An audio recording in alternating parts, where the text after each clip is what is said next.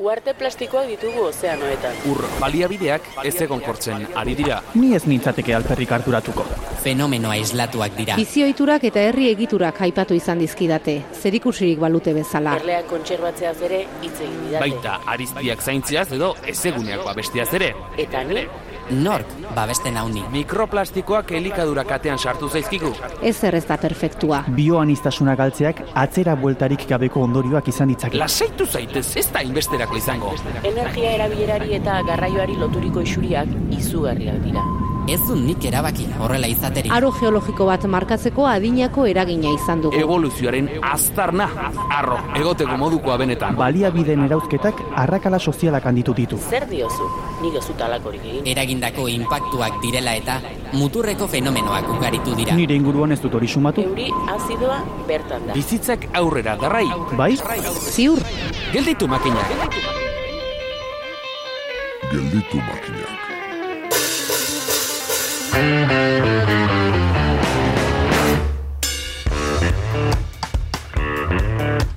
Zientziak epikatik beste aldu etikatik, mundu aldatuko duten soluzioak eskatzen zaizkio zientzialariari, baina hau ere, gaur gaurkoz, ez da marten bizi lurrean baizik, kontestu soziopolitiko batean. Diote garai hipermodernoetan bizi garela ulerkera horretatik bizi dugula mundua. Beraz, gaia gure kontestura ekarreko dugu Inigo Martinez filosofoarekin.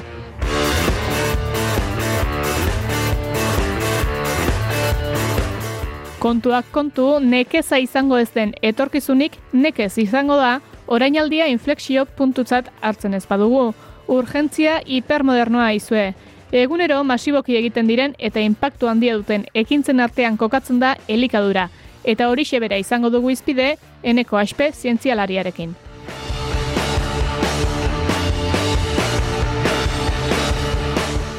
Entzule, orainaldia eta etorkizuna, AC programa datorkizuna. Hauxe da, gelditu makineak saioaren hirugarren denboraldiko amabigarren atala.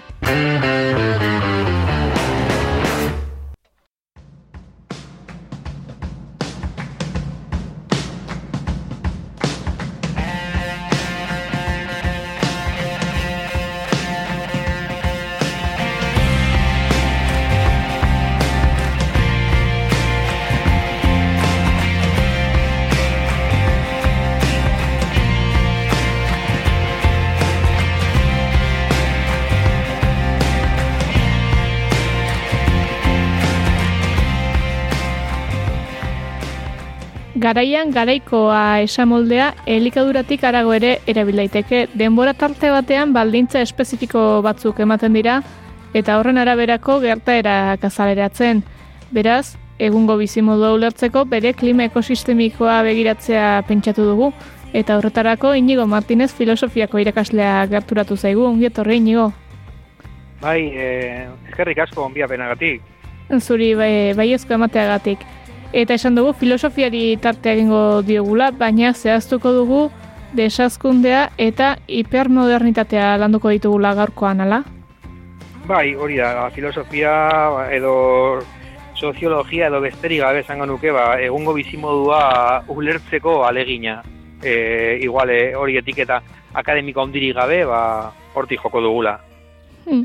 Hain zuzen ere, egungo gizarteari begira jarri nahi genuke, eta, eta bueno, sarrera gisa edo, aipatuko altzen izkiguke, aloaren edo belaunaldiaren bereizgarriak zein dairen.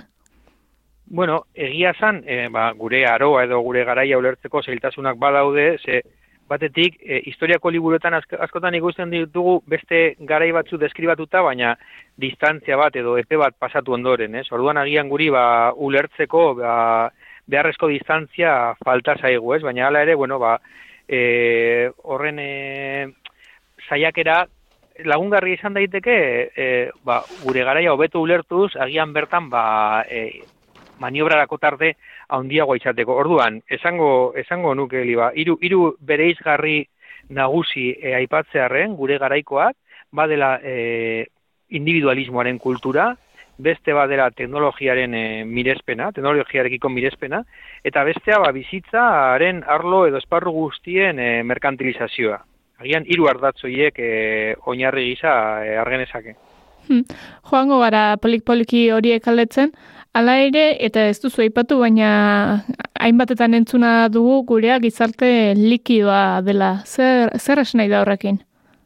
Bai, behitu hori da, e, Bauman soziologoak e, erabil duen e, terminoa eta oso e, arrakastatzua e, izan da, ez? Ba, e, berak hartzen du Marxen e, aipamen batetik, ez? Marxek manifestu komunistan dio solidoa den guztia, urtu egiten dela kapitalismoen ondoren, ez? Orduan, bueno, soziologia kapitalista likidoa izendatu du e, Baumanek, eta intuizio hori da, ba, e, esan bezala, zita batetik hartua, ez? Bera, Marxek dio burgesia ezin dela existitu, ba, ekoizpen instrumentuak etengabe irauli gabe, ez? Eta orduan, ba, ekoizpen erlazioak, eta erlazio sozial guztiak etengabe irauli behar dituela, ez? Eta orduan estankatutako erlazioak apurtu eta berria e, zaharkiturik e, ba, geratzen direla iaia jaio horretik. Bueno, hori da pizkat hartu da zita zehatz e, ba, itzulpenean, ez? Manifestu komunistatik, baina azkenean horrek zer esaten digu, ba, e, industrializazioaren helburua dela, ez? Dana e, nolabait e, ba, berristea etengabe. Eta bueno, hori ere ba erlazioetara eraman daitekela, ez? Lengo gizarte estamentaletan agian erlazioak eta loturak e, solidoak behar, behar zutela izan eta oraingoan ba mugikortasuna beharrezkoa dugula eta e, edozin gauza egonkor ba ostopo izan daitekela, ez? Orduan e, aldaketak e, erraz onartzeko proletario modernoak ba e, nolabait e, diskurso bat eraiki dela e, ba hori e, nolabait egiteko e, baikor, ez? Positiboki hartzeko e, aldaketa, aldaketa oro. Eta bueno, hori da produkzioaren logika bizitzari aplikatzea, eta zentzu horretan hartzen du e, Baumanek ba, likidotasunaren kontzeptua aplikatuta e, bizitzan esparru askotara, ez? Maitasun likidoa doka liburu gisa, eskuntza likidoa, eta bueno, oso sugerentea da. Badira autore batzuk ere orain e, likidotasuna baino gehiago ba, odeian dagoen, ez? E, ba, kapitalismo digital horreri e, iaia airezkoa izendatzeko, ez? Likidoa baino gehiago. Baina, baina bueno, nik uste interesantea dela ba, autore, bauma moduko autore bat irakurtzea sakontzeko gure egungo garaian, ez? Horrekin lotu nahi nuke konpromesua, Euskal gizartea oroar eh, oso konprometitua izan da eta orain ere zenbait gai ekosozialekin alakoxe agertzen da, baina badirudi horren zantzuak gero eta gutxiago direla edo bueno, hainbat mugimendutan adinean gora dijoazela gehienak posible da ala izatea edo honi erantzuten dio gizarte likido horrek? Bueno, ematen du kompromesuak pizka apur bat solidoa behar dure izan behintzat, ez? Eta, eta kompromesu likidoa, ba, pizka egiten dela iaia dela an, e, kompromesu esa, ez? Orduan, ba, agian, e, pentsa ezakegu e, askatasun individuala goraipatzen duen e, aroak, ba, kompromesurako, kompromesuarekiko mesfidantza daukala, ez? Edo zin kompromesu lotuko nau, izan proiektu batekin, proiektu politiko batekin ere, eta orduan, garo, ba, nire askatasun individualaren kontra ingo du horrek, ez? Beraz, e, uste dut, ez dela, zentzu horretan, ikuspei komunitarioa edo konpromesu komunitarioentzako e, garai eskasa dela, ez? E, dena den, bueno, e, ezin dugu dena txuri edo beltzikusi, ez? Baina, baina aurrekoan, e, kafe filosofiko bat ospatu zen gazteizen, adizketasunari buruz, ez, bueno, no, gu agora eh, elkartean, aire ditu golako e, kafe eta pote filosofikoak e, Euskal Herriko hiri eta herri desberdinetan, eta, bueno, nigo nintzen gartizeko horretan.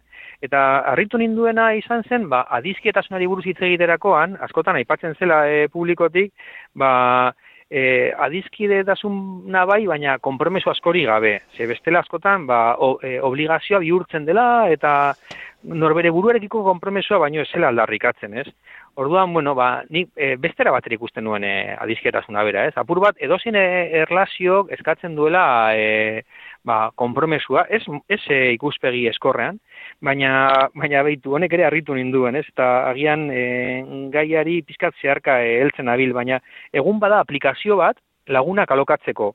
Eta egun da hogei dolarren truke, ordu pare ba, batez, ba, norbaitei oraitzen diozu, Eta, bueno, ba, bera, zure lagun plantak egingo ditu, ez? Orduan, e, botatzen duzun txistei ba, gogo egingo die barre, arreta jarriko dizu, esaten dituzun gauza guztiak, ba, e, bueno, ba, zure gai horiek jarraituko ditu, eta, bueno, aplikazio horrek dauzka, erabil, erabiltzaile mordo bat, e, eta horrela aipatzen du, norena jertz, idazleak, bakardadearen mendea deituriko liburu e, gomendagarrian, ez?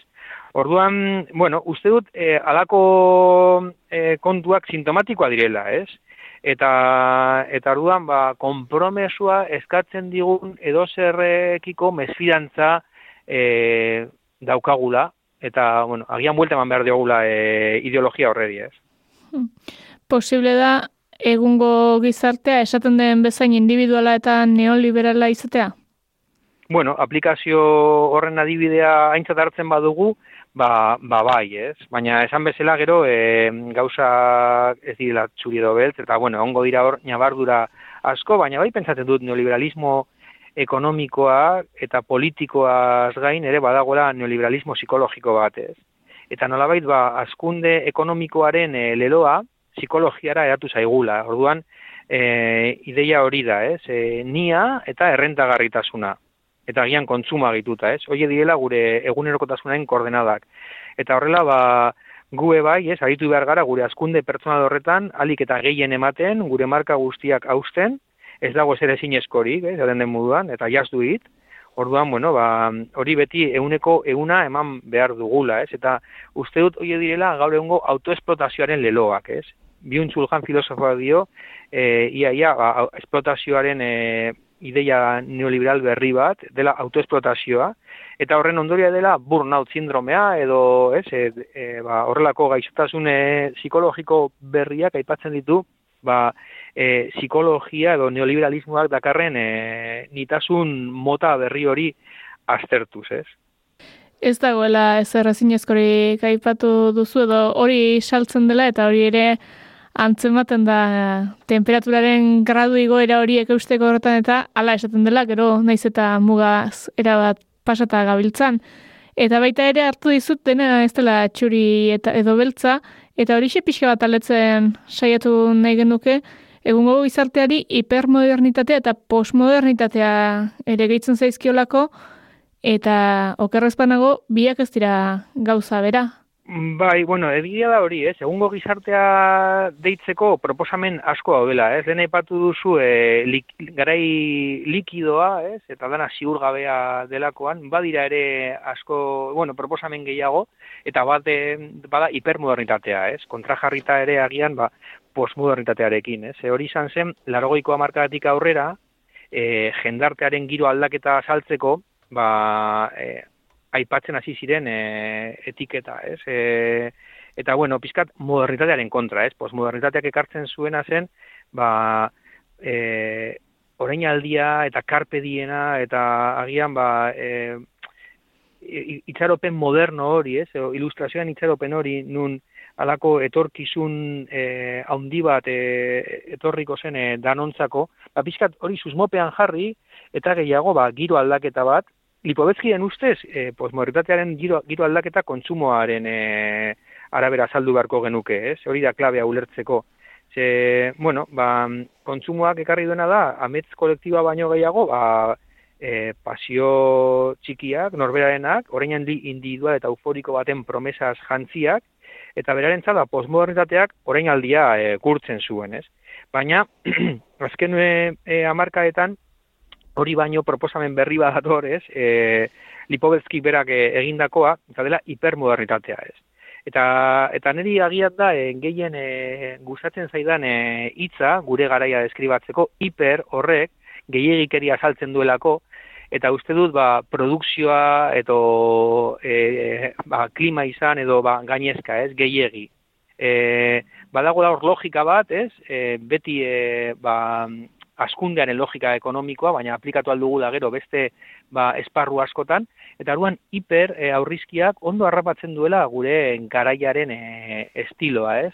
E, badira esan bezala proposamen gehiago, baina guztietan dago logika bera. Batzu diote gurea dela informazioaren ezagutzaren e, garaia, baina karo da hiperinformazioa, informazio gehiegi dagoela eta batzuk ba, irudiaren espektakulu, espektakuluaren garaia, ez? E, gide borrek ekartzen du proposamen hori, baina aldi berean bada, ez? Irudien gehiegikeria. Orduan, edo incluso errendimenduaren jendartea proposatzen da, baina hori da berriro ere ba, e, gehiegi ematea, ez? Orduan, hiperbizitza da gurea, adikzioaren logika jarraituta, eta beraz, ba, gu gara hipermerkatuetan erosten duten e, hiperaktiboak eta hiper, hiperinformazioan itota, ez? E, nire ustez, e, lipobezkiren proposamena ba, oso emankorra da eta oso baliogarria gure garaia nolabait e, deskribatzeko hiper horren hipokondriakotasun horretan ere urgentzia nabarituko genuke dena behar da berehala eta dena da larria.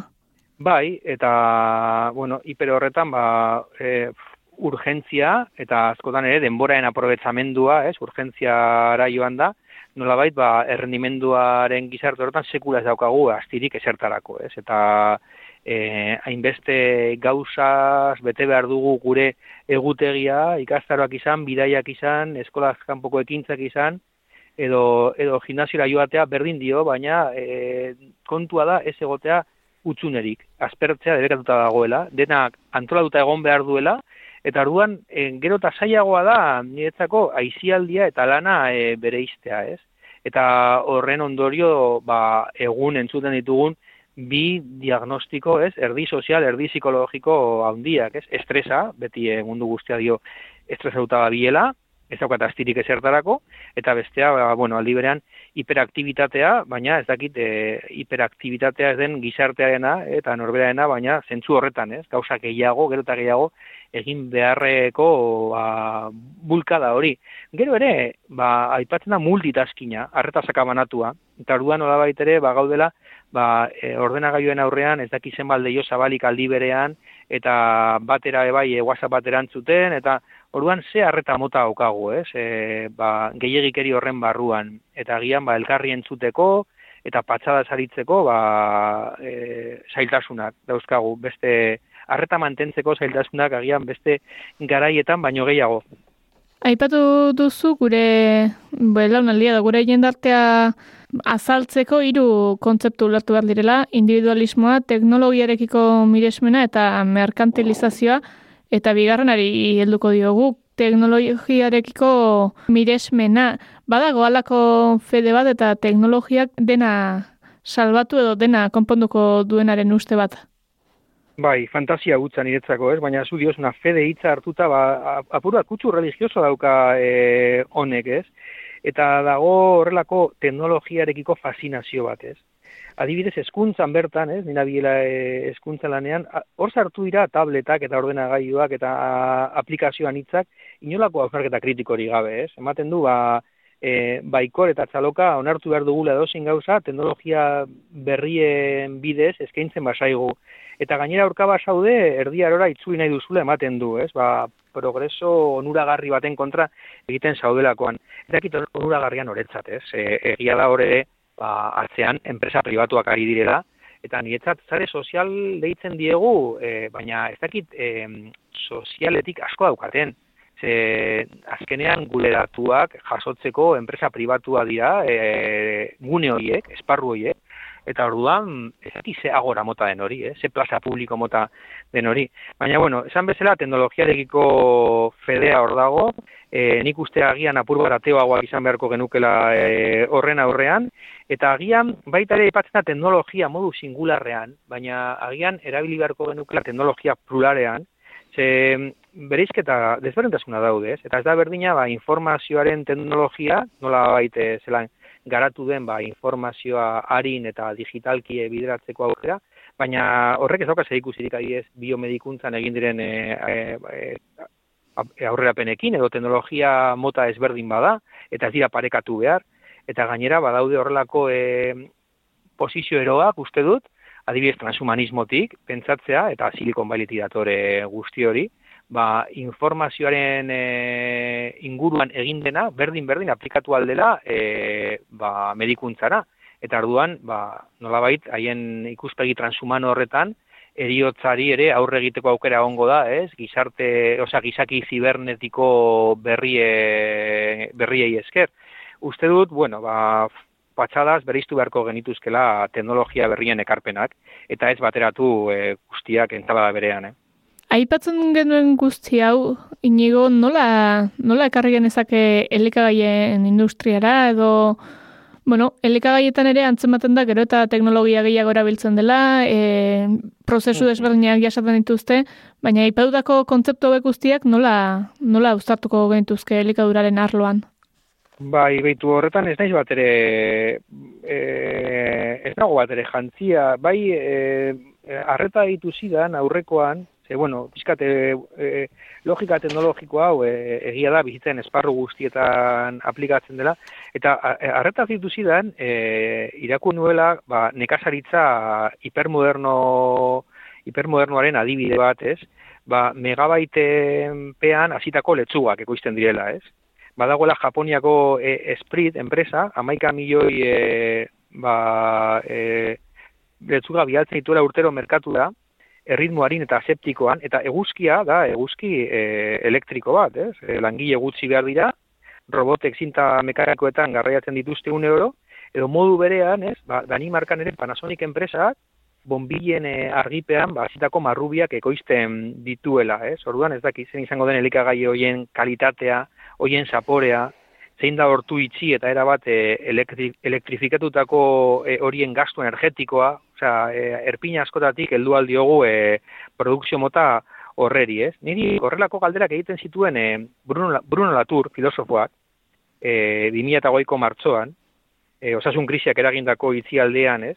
Eta berak, ba, geldiunea, e, gero eta, bueno, e, beharrezkoa, geldiunean barkatu, e, botatzen zuen e, galdera bat, ea, ba, hainbat produkzio mota, ea betiko geldiarezteko une aproposa ez otezen, ez?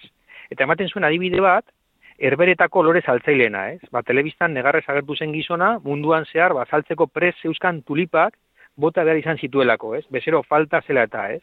Eta e, egazkinak ezilako e, aireztatzen. Eta errukitu gaitezke, baina kontua, ba, tulipa hoien produkzioa bera, argi artifizialera biliz, eta ondoren, ba, egazkinan kerosenoz bedetako estalki baten barruan, joango zila mundu merkatura, eta Bruno Laturren galdera da. Merezi aldu horrelako merkantzien produkzioa eta salmenta mantentzia, ez? Eta, bueno, ba, ikusten dugu ze batera zinak izan aldiren ekologia eta produkzio e, eredu ekonomiko batzuk. Errendimendua aipatzen da, bai ekoizpenean, bai biltairatzean, bai kontsumoan, denean bilatzen da gaur egun errendimendua eta denari ematen zaio garrantzia horretan, badu izan dezake loturarik desazkundearekin, edo nola uztartu daiteke hau, gizarteak egun beharrezko duen desazkunde batekin? Bueno, neri horre integratzen zaite pentsatzea desazkunde psikologikoa, ez? E, Joseba Azkarra gari behin entzunion itzaldi batean, ezaten zuela, e, praktikan jarri behar genuen e, esaldi bat gure eguneroko bizitzen zela honekin nahikoa daukat. Eta, bueno, puntu batean ez, e, norberaen ariketatzoa da ere ez, ez bakarrik e, desazkundea maila ekonomikoan, edo esan bezala ez, ba, e, ikuspegi politiko, politikotik, baizik eta baita ere psikologia politizatuz, eta ze punturaino ere ba, gure etengabeko askunde personal hori eromen, eromena den, era bat e, nekatuta uzten gaituen, eta nola ere, ba, bueno, gure neurrira, gure mugetara, gure gizatasuna bestera batera landu, ez? Honekin nahiko edukat esate ala ere, ez da hain erraza eta hemen saiatuko naiz pixka batzu harrapatzen, Baina zeren baitan esan dezakegu, gaur egun zeren baitan esaten da nahikoa auto den edo ez, eta zein dira aintzat hartu beharko lirateken, neurgailuak, ba hori, ba, bizimailari begira. Bueno, egia da ez dela erresa, eh? ez dela kontu komplezua, ze guzti gaude erdibituta, ez? gure, bueno, ba, desira batzuk, joera batzuk, e, aipatzen da gure gizartea bereziki adiktiboa, ez? Eta adikzioaren ideia da nolabait bat, gehi bat, gehi ene gehi bat, lehertu arte, eta orduan honekin nahikoa daukat, ez, nun jartzen dugun ja, ez, gure ba, gaindosi hori e, bizitzen esparru askotan, eta ja, plazerretik minera igarotzen garen, ez? Ba, gure burua pizkat autozuntzitzera planeta bezala, gu bai psikologikoki autozuntzitzera. Orduan, e, bueno, ez dakite holan e, adibide konkretuan norberak bilatu behar, behar ditu, ez? E, bere gure egungo e, gehiagikeriaren logika honetan, ez? Gehiagikeria eta hipermodernitatearen garaiotan ordea, posible da desazkunde ulertzea denboran atzera egitearekin lotu gabe? E, bueno, batetik e, atzera ezin da egin. Orduan, e, a, kritika hori askotan egiten zaiola, ez? E, ba, holan, produkzio modu batzuk zalantzan jartzerakoan, ba, ea, e, hori ez, ba, e, aitzuletara, kobazuletara, bueltatzea e, otzen helburua, ba, uste dut dela oso e, kritika maltzurra eta gezurtia. Azkenean, e, garai bakoitza euska bere argi itzalak, nostalgiari gabe, atzera egiterik ez dago, ez gara beste gari batera gueldatu, garai horiek ere ez dira zertan izan e, hobeagoak tokatu zaiguna baino, ez? Pentsagen esake jo, ba, hoi garre mendea hobeagoa, bai bi gerrate mundial, dartean, e, meretzi garre mendeko industrializazioan hasiera, hortze, ba, e, hasierako lan baldintza, esplotazioa, esan nahi dut, e, gehiago da, daukagunarekin, zelan egin, ez? Bestera batera antolatzeko, olako e, ba, konparaketa historikoetan e, jauzi gabe. Denboran atzera egin beharrik izan gabe orduan, baina bizi baldintza hobeak lor laitezke gutxiago kontsumituz, zeri erreparatu behartzaio? Zer, zer neurtzen dugu, zein da gure zoriontasunen neurgailua, ez? Eta argi dago, ba, BPG edo barne produktu gordinen arabera neurtzen diren neurtzen denean zoriontasuna, ba, baita ere trampa asko daudela, ez? Horren arabera egiten dira zoriontasunen rankinak, eta, bueno, horrek eh, zer, zer neurtzen du? Ba, konsumo maila, ez? Aurrekoan, ba, 2008an nahi ez, Finlandia izan zelenengoa, azkenengoa Burundi, baina, claro, demagun antiepresibo gehiago saltzen direla, edo ura botietan gehiago saltzen dela, kutzatuta daukagulako ura. Horrek, e, ba, BPGA gora ingo luke, baina e, ez dauka zer ikusirik e, gure zoriontasunean kontrako esango nuke, ez? Orduan, bueno, niri gustatu zitzaidan, e, ba, ekotopaketetan, e, e, jaio erreroren e, aipamena, nola bilatu e, aizialdi batzuk, ez? E, ba, agian, ez? E, jasangarriagoak eta liberean e, taldean. Agian bakarrik egitea zailagoa da, baina pixkat bizitza komunitarioan e, elkarrekin e, ba, kontu atseginak ere, berak aipatu zuen koro batean zegoela abesten, ez? Eta, bueno, abespatzen, ba, e, norberak topatu behar du horre bai, bere, bere kontua, baina ez duela zertan izan behar e, ba, okerrago bizitzea. Kontrako esango nuke, ez? E, hor topatu aldiela e, bide atsegin e, berriak eta elkarrekin gainera. Ba, horrexekin borobilduko dugu, desaziz, hobeto ere bizi daitekela azpimarratuta. Eskerrik asko Inigo Martinez, gurean izateagatik aipatuko dugu, agora filosofikoko kidea ere bazarela. Hori bai, eta bueno, zehatzen gara ere elkartzen, tarteka gure kafe filosofikoetan, eh, hainbat hausi buelte emateko, eta normalean eh, elkartzeak, elkarrekin pentsatzeko bai, ba, biziposa ekartzen digula. Eta kafe horiek zer dira, irikiak edo norentzako? Bai, bai, zabali daude, Bilbo ni, bueno, Bilbokoetan e, parte hartzen dut, eta bira tabernan e, Bilboko alde zeharrean egiten ditugu, hilabete bakoitzeko azken ostegunean, eta bai, edo norentza zabali daude. Ba, intzat hartuko dugu, eskarrik asko gurean izategatik ino. Eli pagolarekin geldituko dituzu makinak naiz irratian.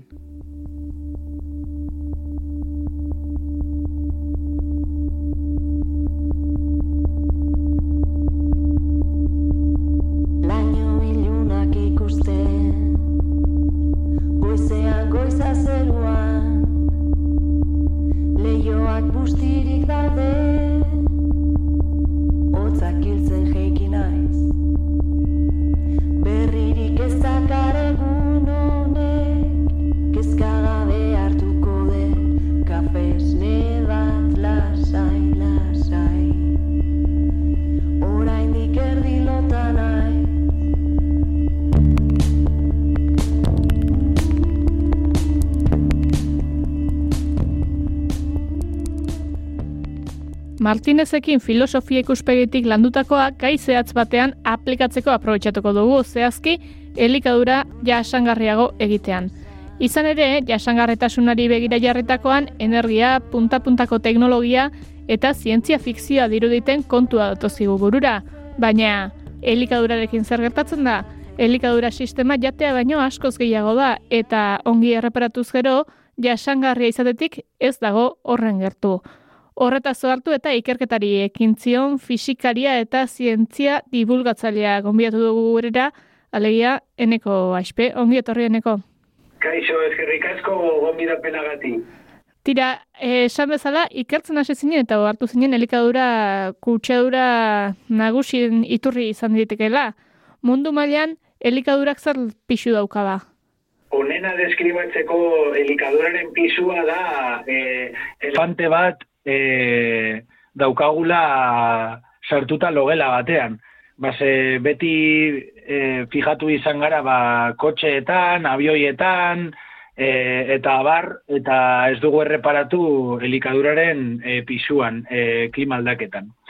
Eta, bueno, hainbat faktore daude, esate baterako e, garrantzitsuagoa da, edo impactu handiagoa dauka klima aldaketan zer jaten dugun, zer gidatzen dugun baino. Base, transporte guztia batera jarrita, e, gure e, ba, CO2 ekibalentea den e, gazen izuriketetan, aldaketa klimatikoa e, nola, nola baita impactua duen e, gazetan, amaika, euneko amaika da, transporte guztiarena, hau da, batera jartzen baditugun kotxe, abioi, e, barku guztiak, euneko amaika da, izuriketen euneko amaika, suposatzen dute, eta elikagaiek ordea jaten duguna, e, gure gastronomiak suposatzen du, e, euneko hogeita zeia. Hau da, e, bi koma aldiz importanteagoa da, edo piso handiagoa dauka gure elikadura, gure transportea baino. Beraz, ja nik uste dut garaia dela, ba, so egiteko e, logelan daukagun elefante horri. Hmm. Zer dela eta daba elikadura hain kutsatzailea alegia munduko garraio guztia baina bi koma aldiz gehiago kutsatzen da elikadura bidez, zein dira ba bere faktore nagusienak? Bai, e, bueno, bi koma e, konparatuta e, e, garraio guztiarekin, baina ulertzeko abioiei buruz asko hitz egiten da, abioien e, pisua e, izurik eta hoietan, e, guk eragiten ditugun e, izurik eta hoietan, euneko bat koma bederatzia, eta jaten dugun euneko gaita zeia. Bueno, ba, kontua da, e, hainbat arazo daudela. Esate baterako e, lurra. Gure lurra, e, landa, e, edo bizial garen landaren e, erdia baino gehiago jadanik erabiltzen dugu e, jateko. Eta hori harrigarria da. E, adibide, e, erabiltzen dugun landa e, gure hirietan e, euneko bata da bakarrik. Baina erdia baino gehiago, eske pentsa ezazue, erabili dezakegun lurraren edo landaren erdia baino gehiago jadanik erabiltzen dugu gure elikagaiak azteko eta lupa bat hartzen badugun, ikusten dugu e, euneko amabia dela landareak azteko, baina euneko hogeita mazortzia lurraren landaren e, euneko hogeita mazortzia landatzen e, erabiltzen dugula e, animaliak azteko. Beraz, e, bakarrik ikusten dugu ja e, basati, kakotzen artean, e, euneko e, berrogeita bederatzia hauek dira ba, basoak, e, lakuak, ibaiak, eta bar. Baina uneko geita mazortzia, e, suposatzen du, e, e, ba hori, ba, animaliak azteko erabiltzen dugula landa hori, eta esate baterako basoak bakarrik euneko geita amazazpia. Hau da, ja, jadanik e, dugu landa gehiago e, joaten dena animaliak azteko e, e, basoak baino. Hor ulertu beharko da gainera, animaliak azteko dugun ere horretan, euneko hogeita emezortzia diozuna, hor sartuko litzake ganadua gazteko behar duen zerealen ekoizpena, edo hori nekazaldurretan sartuko litzake? Bai, bai, bai, askotan entzuten da, bueno, baina Amazona zen ere bai, e, e, mosten dute Amazonas eta erretzen dute soja e, azteko, eta bai, baina jendeak ez dakiena da e, sojaren gehiengoa doala animaliak elikatzeko eta ez gizakiak elikatzeko. Beste datu bitxi bat eta aldi berean larri bat. E, hartzen badi ditugun e, e, gure munduan e, bizi garen e, animalien artean, e, kasu honetan e, e, ugaztunak, ugaztunen e, biomasan, eh? E, ugaztunen euneko laua euneko laua bakarrik da basati. Ugaztunen euneko hogeita malaua e, gara gu, gizakiok, euneko hogeita malaua. Baina eske, euneko hogeita mabosta behiak dira. Euneko hogeita mabosta, hau da, e, masan, biomasan, e, gehiago dira e, e, em, zera, e, behiak gizakiak baino, eta behiak esan bezala eren bat baino gehiago, baina e, basatiak diren ugaztunak bakarrik dira euneko laua. Oda, oso ugaztun basati gutxi gelditzen dira, eta horrea e, bi eren, ia bi eren, dira guk azten ditugun animaliak.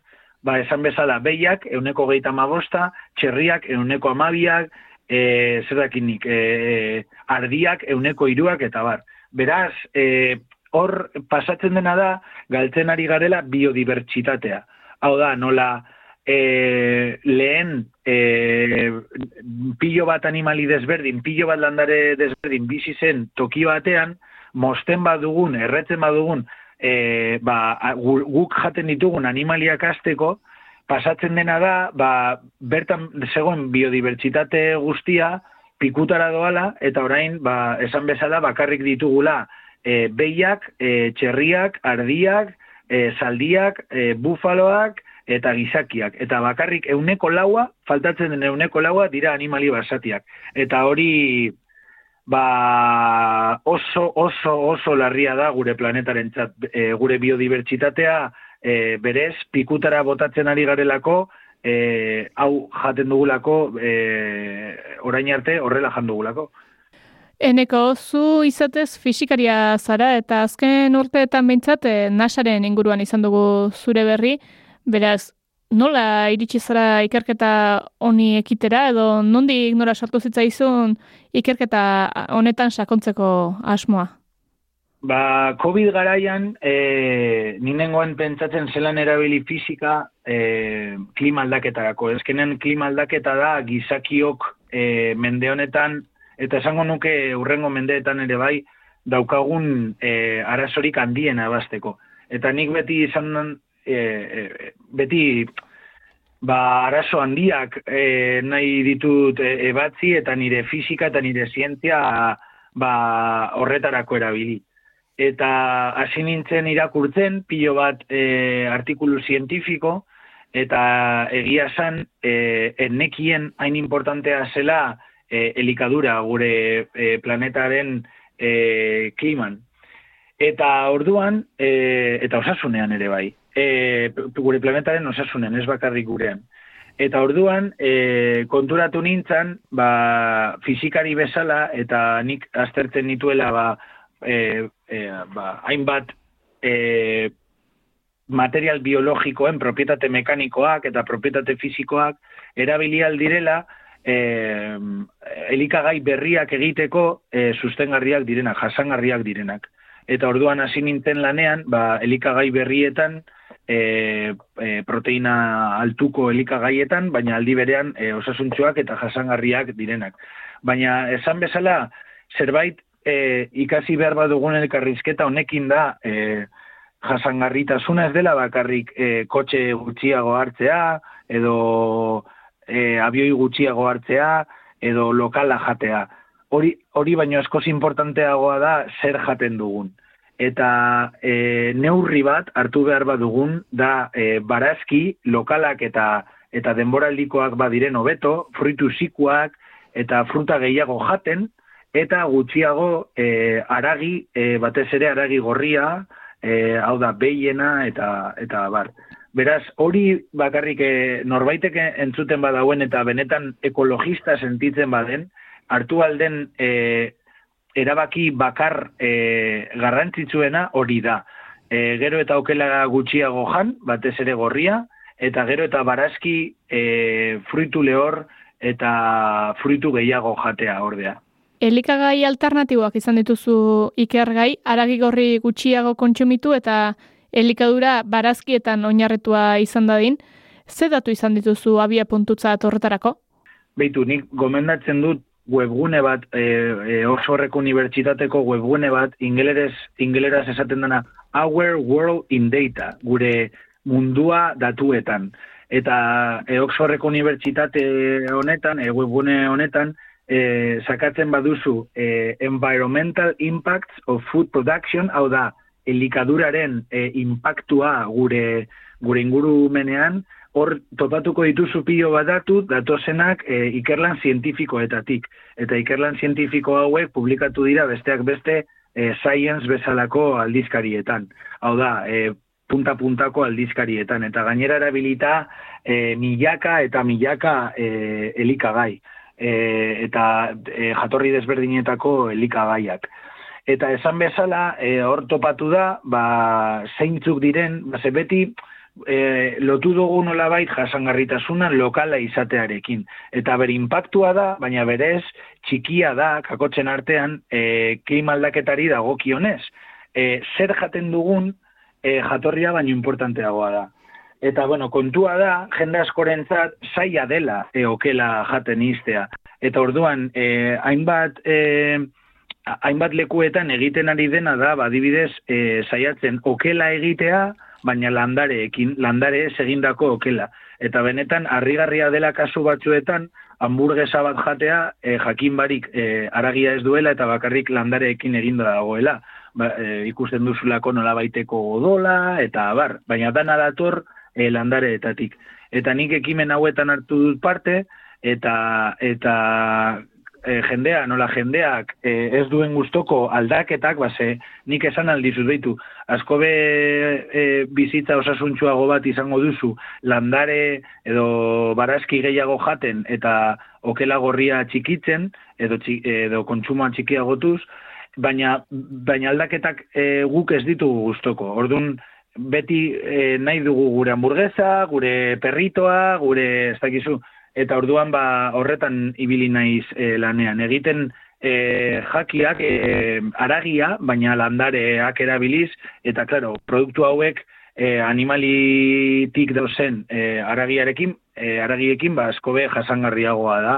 E, datu e, guztiek horrela esaten dutelako ba ur kontsumoa landa kontsumoa e, CO2 ekibalente diren e, zuriketak eta bar ba, segogora dezagun e, ba, behi bakoitzak ba, egunean mediaz e, bosteun litro metano ere e, jarri aldituela e, hor kanpoan. Beraz, bueno, ba, oso gogorra izan da prozesua, batez ere ni, e, nik maite duelako aragia, baina bai, ba, ba, batzutan e, punta teknologia behar da, ba, jendeak ez duelako aldatu nahi eta pasatu zuzenean e, barazkietara, fruitu sekuetara eta fruituak e, jatera. Aragiari alternatibak bilatze horretan, hiru bereizi dituzu, artikulatan ara irakorri dugu behintzat, batetik aragiaren imitazioa egongo litzake, esan bezala barazkietan eta oinarritutako aragiaren imitazio bat, bestetik kultiboak egongo lirake eta hirugarren bat eta agian hau gutxiago entzun izan dena mizelioa izango litzake, horrelako ontio moduko bat. E, azalduko altzen iguke bakoitza zertan datzan? Bai, ba, imitazio idagokionez da landareekin aragia egitea.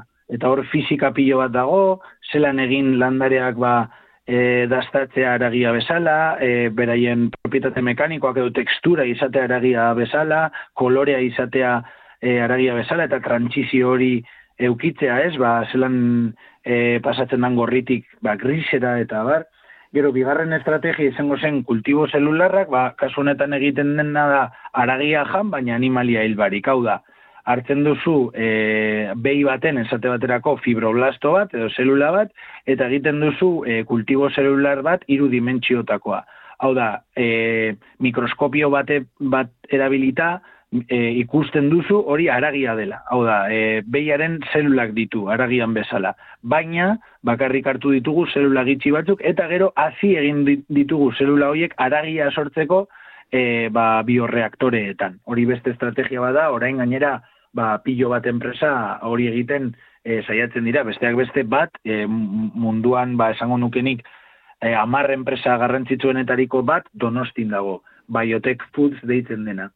Eta gero beste estrategia batzuk dira miselioak, miselioak da ba, onjoen e, sustraia, e, ba, oso harin e, azten direnak, eta gainera ba, e, proteina e, portzentaia oso altua dutena.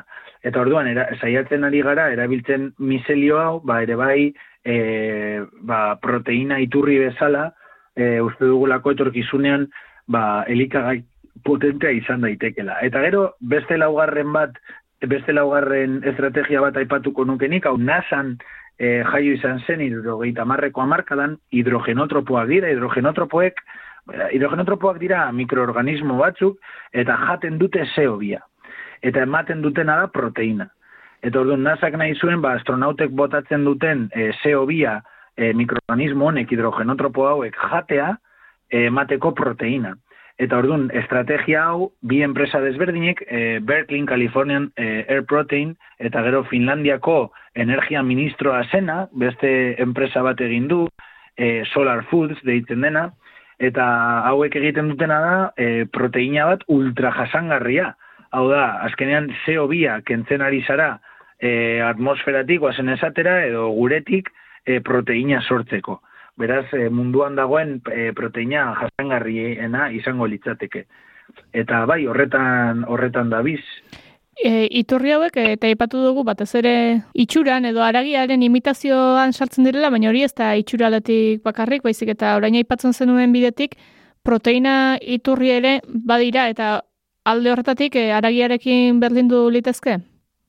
Bai, eh, Claro, kontua da aragia e, zaila dela hobetzea, ez? Base aragia aragia da, baina landareekin egindako e, aragia esate baterako edo beste domiselioekin eta bar, zuk era, erabaki dezakezu zenbat grasa euki alduen, zen, e, grasa saturaturik ez erabiltzea, kolesterolik ez eukitzea, eta bar, orduan osuz, osasuntxuago egin dezakezu produktua, proteina e, portzentai altuagoa izatea animaliarekin konparatuta, eta bar, bai. Eta behin arrela hasita, aipatu dugu, elikadura jasangarriena oe, aragian oinarretzen ez dena dela, eta ala izanik, zergatik ikustu duzu datorla ongi aragia imitatzea? Ba, kontua da, e, aragia ere bai kulturala dela. Eta oso zaila da nik berri dinote oso aragi maitalea naiz, eta oso gustoko dut aragia. E, erabaki dudana da, e, aragiaren kontsumoa geistea baina jendeak ez du nahi e, aldaketa hori egitea, eta orduan batzutan e, dakitenean ba, alternatiba hori edo sustituto hori e, ba, obeagoa dela planetaren zat, obeagoa dela bere, beraien osasunaren zat, ba, e, eukitzea gitzienez aukera hori, ez? Esan behitu, ba, e, erabaki ekologista bat hartuko dut, nire osasunaren ere obeagoa dena, eta alternatiba hori hartuko dut. Baina, kara, alternatiba hori izan behar da oso ona hau da, e, zaporetsua, aroma bat eukitzea, kolore eukitzea, tekstura bat eukitzea, eta bar, eta hori egitea ez da bat ere erreza. Eta horre, horregaitik hainbat laborategik, hainbat enpresek e, honetan e, diar dute. Baina esan bezala, e, e, kulturala da, ere bai beste gauza bat pentsatu behar dugula da, e, jasangarritasuna izan behar dela planetaren baina ere bai e, gizaki ontzat, hau da, e, zer pasatzen da, ba, aragiaren munduan hainbat eta hainbat e, langileekin, ez? Berdina esan dezakegu ba, petroleoan lan egiten duten hainbat langileekin, bas azkenean familia asko bizi dira petroleotik, familia asko bizi dira aragiatik eta bar. Orduan planak behar ditugu eta alternatibak behar ditugu familia eta langile guzti hauentzat ere bai. Oso zaila izango litzateke egun batetik bestera guzti aldatzea eh gure produzitzeko era, gure jateko era, eta bar, beraz, jasangarritasuna gizakiaren aldetik ere bai e, beharrezkoa da.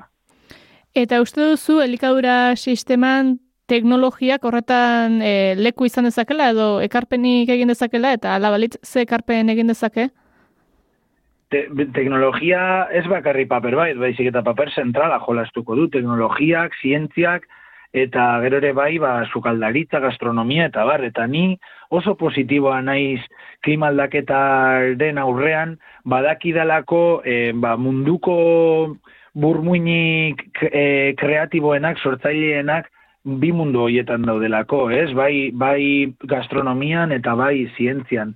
Eta arazo baten aurrean e, beti emon dituzte erantzunak, ez? E, zientzialariok, ba, adibidez, COVID-19aren kasuan, gastronomian ba, hainbat iraultza sortu izan dituzte, eta orain datu gehiago ditugula, ba, lehen pentsatzen genuela jasangarritasuna bakarrik zela, ba, produktu lokala jatea eta eusko labela zuena jatea, orain konturatu gara, ez dela garrantzitsua dela, baina ez dela hain garrantzitsua, baizik eta zer jaten dugun da benetan garrantzitsua dena, ba, orain datu pilo bat ditugula e, mai gainean, egin behar duguna da, ba, e, elkar banatu datu hoiek, jesarri taula berdinean, bai gastronomia lan egiten dutenek eta bai zientzian lan egiten dugunok, eta eta marrastu etorkizun bat e, jasangarria dena e, angulu guztietatik.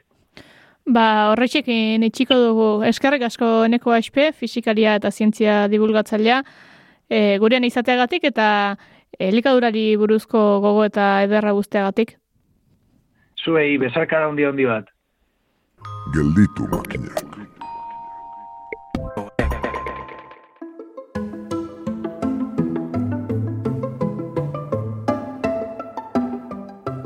Aspaldian txanda eskatua zuen maite bidartek, bazuela zine gomendio der bat gugan ekartzeko, eta guri plan ezin jobea iruditu zaigunez, ongi etorri maite. Eskerrik asko, Beli. Tira, ze zine gomendio ekarri diguzu gaurkoan? Ba, gaur orain arte dokumentalekin etorri naiz, e, gaur e, fikziozko filmatekin, orain artekoak oso adi egoteko gomendio eman dizu eta oraingoan ez. Hau da, nekanekatua zaudenean ikusteko, eta pelikula frantses bat, komedia dramatika familiar bat, egi arran tonteri bada. Baino batzutan, er, beharra bau eliri eramango diot, bertzelako proposamen bat e, delako, e, kontua da, Parisen dago gokatua filma, klaserdi altuko familia bat da, protagonista, e, semea nerabea da, eta beraien gurasoak, aita tama, ditu protagonista. Orduan, gurasoak e, etxera ietzen dire, eta hartuko dire semearen patinete elektrikoa ez dagoela. Eta galdetuko dute ean ondagon, eta semeak errango die. Basaldu indut proiektu baterako eta gurasa ba, erdi brometan hartzen dute erantzun hori ez. Eta gero ohartzen dira, ba, galdera erantzun batzutan, semeak patineteaz gain, bertze gauza honitz, saldu dituela. Adibidez, aitaren markako orlojuak, amaren diorra ropak, eta baitere bodegan zituzten ardo garestiak edo aitonak ez dakit noizkik e, gordeak zitun liburuak. Hori, eta gurasak egiten dire, erotu. Hor gertatzen da, estena bat e, etxe guzitik, non joaten diren gelaz gela ikusten, semeak e, saldu duen Eta egiarran e, pelikulako hasierako minutuak dire, dire brutalak. E, zu ikusle bezala empatizatzen duzulako gurasoekin, eta empatizatzen duzu ere umeekin, ez? Umearekin. Ordun gero horre momentu batean gertatzen da oso estena polita umeak erraten diola gurasoei. Bueno, baina, bani patineteak gaur saldu du, baina zuen gauzak aspaldi saldu nituen. Eta etzate, etzate ohartu. Ez dituzu, ez dituzu erabiltzen, eta etzate ohartu. Tardun, hor gertatzen da pixkat inflexio puntu bat. Amour Je suis là, hein. Salut. Ah bah t'es là toi J'ai pas vu ta trottinette en bas. Je l'ai vendue. De quoi en, en, gros, on met tous un peu d'argent et on vend des choses. Et vous vendez quoi elle est, elle est où ma robe Dior Quelle robe Dior Mes affaires vintage Tu les mettais jamais Non, non mais attends, attends oh. Joseph, mais T'as pas touché à mes affaires, Joseph oh, J'ai juste pris tes chaussures en or et ton blouson ouvert. Quoi, Joseph, t'as pas touché à mes montres non mais Joseph, c'est quoi ça? Mais t'es malade, c'est des montres de collection Vous êtes combien à avoir fait ça? On est 850. N'importe quoi. Bah si, si. Mais pour faire quoi? Ils viennent pour faire quoi? Pour sauver la planète, papa.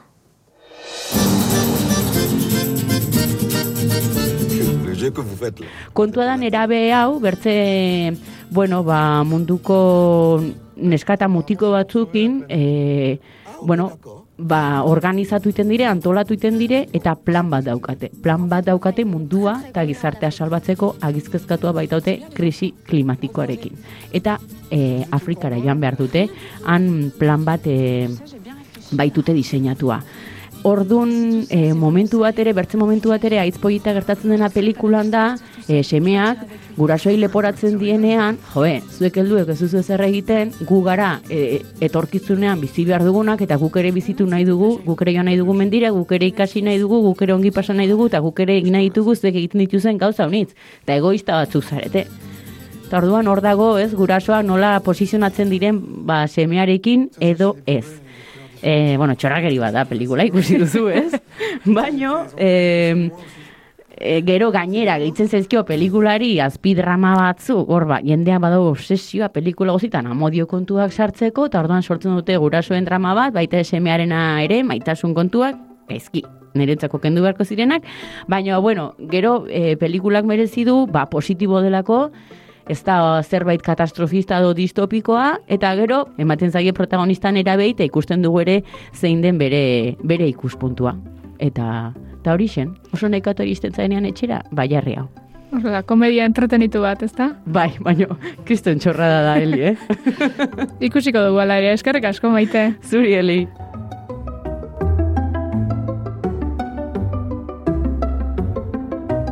Eta maite bezala zu ere agurtu egingo zaitugu entzule. Entretenitu baino gehiago egin garelakoan, ongi izan eta datorren gelditu makinak saior arte.